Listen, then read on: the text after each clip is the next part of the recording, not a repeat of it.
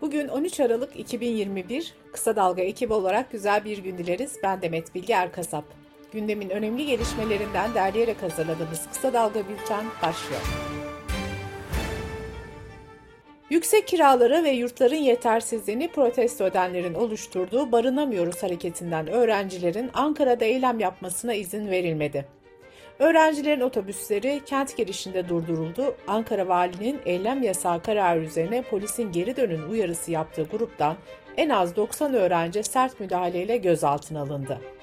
Barınamıyoruz hareketinin sosyal medya hesabından yapılan açıklamada bir öğrencinin kolunun kırıldığı belirtildi. Haberi takip eden Artı Gerçek internet sitesinin muhabirleri Nebiye Arı, Yağmur Kaya ve Hilal Işık da gözaltına alındı. Ankara Emniyet Müdürlüğü barınamıyoruz eylemi yapmak isteyen öğrencileri marjinal gruplar diye tanımladı. Açıklamada etkinliğin valilik kararıyla yasaklandığı belirtilerek öğrencilerin 3 ayrı noktada gözaltına alındığı ifade edildi. Açıklamada ayrıca İzmir'den gelenlerin Eskişehir'de durdurulduğu, geri dönmeye ikna edildikleri ancak bazılarının araç sürücüsünü darp ettiği öne sürüldü. Muhalefet barınamıyoruz eylemi yapmak isteyen öğrencilere yönelik müdahaleyi Milli Eğitim Bakanlığı bütçesinin görüşüldüğü Meclis Genel Kurulu'na taşıdı. CHP Grup Başkan Vekili Engin Özkoç, kaçakçılık yapanlar serbest kaldı bu ülkede, adam vuranlar serbest bırakıldı ama gençler yurt istiyoruz dediği için Türkiye Cumhuriyeti'nde gözaltına alınıyor dedi. YouTube üzerinden sokak röportajı yapan 3 YouTuber dün sabah eş zamanlı gözaltına alındı. Kendine muhabir ve sade vatandaş kanalı sahipleri Twitter'dan yaptıkları paylaşımlarda gözaltına alındıklarını duyurdu. İlave TV'nin sunucusu Arif Kocabıyık ile kanalın kameramanı da gözaltında. Kanal sahiplerinin AKP'li Mücahit Birinci ile ilgili paylaşımları nedeniyle gözaltına alındığı iddia edildi. Meclis Genel Kurulu'nda sağlık personelinin özlük haklarına ilişkin düzenlemeleri içeren 6 madde yeniden görüşülmek üzere kanun teklifinden çıkarıldı. Sanayi, Ticaret, Enerji, Tabi Kaynaklar, Bilgi ve Teknoloji Komisyonu'nda görüşülen maddeler Sağlık Komisyonu'na havale edildi. Türk Tabipleri Birliği'nden yapılan açıklamada ise şöyle denildi. Özlük haklarımızla ilgili düzenleme ileri bir tarihe ertelenmiş. Çalışma koşullarımız iyileştirilene, emeğimizin karşılığını alana kadar mücadeleye devam edeceğiz. Gözümüz üstünüzde geri adım atmayı sakın aklınızdan geçirmeyin. Mecliste bu hafta Cumhurbaşkanlığı ve iki bakanlığın yanı sıra 23 kamu kurumunun bütçesi ele alınacak. Meclisin bütçe maratonu 17 Aralık Cuma günü bütçenin tümü üzerinde yapılacak konuşmalarla sona erecek. Sağlık Bakanı Fahrettin Koca, sağlık çalışanları ağır davalara maruz kalıyor ve büyük tazminatlar ödüyor. Öyle ki tazminat davaları fırsatçı bir iş kolu haline gelmeye başladı dedi. Denizli'de Pamukkale Üniversitesi Hastanesi'nde beyin kanaması sonucu 22 gündür tedavi gören oyuncu Kadir İnanır dün taburcu oldu. İnanır hastaneden ayrılırken kendisiyle ilgilenen tüm sağlık çalışanlarına teşekkür etti. Covid-19 haberleriyle bültenimize devam ediyoruz. Sağlık Bakanı Fahrettin Koca, koronavirüsünün omikron varyantının Türkiye'de sıçradığını açıkladı. Bakanın açıklamasına göre vakalardan 5'i İzmir, biri İstanbul'da. Hastalarda belirtilerin hafif olduğu ve tedavilerinin ayakta yapıldığı belirtildi. Avrupa Birliği'ne bağlı Hastalığı Önleme ve Kontrol Merkezi Avrupa Birliği ülkeleri genelinde omikron varyantı verilerini paylaştı. AB ülkelerinde toplam 582 omikron vakası olduğu ve henüz omikronla bağlantılı ölüm yaşanmadığı belirtildi. Merkez ayrıca hastalığı geçirenlerin omikrona daha dayanıklı olduğuna dair işaretler tespit edildiğini belirtti. BioNTech'in kurucusu Uğur Şahin, iki dozun omikron karşısında tam aşılı olmak anlamına gelmediğini söyledi. Şahin, güçlendirici dozun 3 ay sonra yaptırılması gerektiğini belirtti. Şahin'e göre dördüncü doz da gerekli olacak. Sırada ekonomi haberleri var. Devrimci İşçi Sendikaları Konfederasyonu'nun İstanbul Kartal'da düzenlediği Artık Yeter, Geçinmek İstiyoruz mitingine çok sayıda siyasi parti, sendika üyesi ve binlerce yurttaş katıldı. Mitinge katılanların gündemi zamlardı. Pek çok kişi asgari ücretin net 5200 lira olması talebini dile getirdi.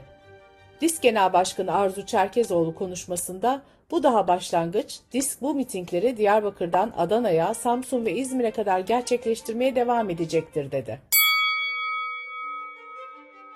İstanbul'da ekmeğin bir ay içinde üçüncü kez zamlanmasının ardından vatandaşlar ekmeğin 1 lira 25 kuruşa satıldığı halk ekmek büfeleri önünde uzun kuyruklar oluşturdu.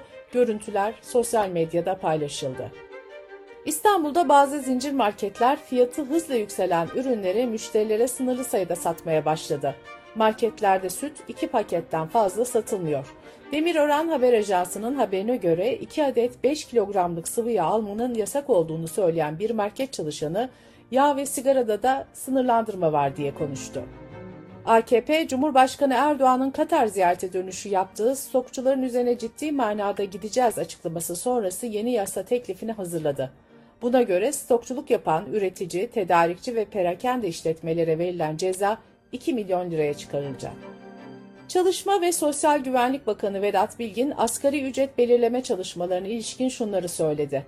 Toplumun, işçilerin beklentisini karşılayacak ciddi bir asgari ücret artışı gerçekleştireceğiz.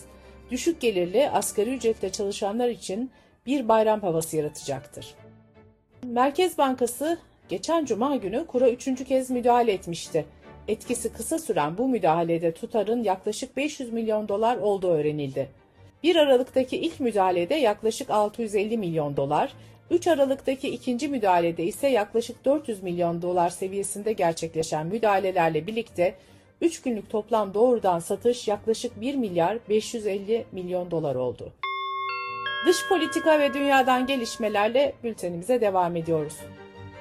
Belçika hükümeti Avrupa Konseyi Bakanlar Komitesi'nin uyarısı üzerine mahkemelerde başörtüsü takılmasını yasaklayan ceza yasasının 759. maddesini değiştirdi. BBC Türkçe'den Yusuf Özkan'ın haberine göre Müslüman bir kadın 2018'de başörtüsünü çıkarmadığı gerekçesiyle mahkeme salonuna alınmayınca Avrupa İnsan Hakları Mahkemesi'ne başvurdu. Mahkeme Belçika'yı inanç özgürlüğünü ihlal ettiği gerekçesiyle mahkum etti. Bazı hakimler bu kararı uyguladı, bazıları uygulamadı. Müslüman kadınlardan da şikayetler gelmeye devam etti. Belçika hükümeti 19. yüzyıldan kalan ceza yasasının 759. maddesinde değişikliğe gitti.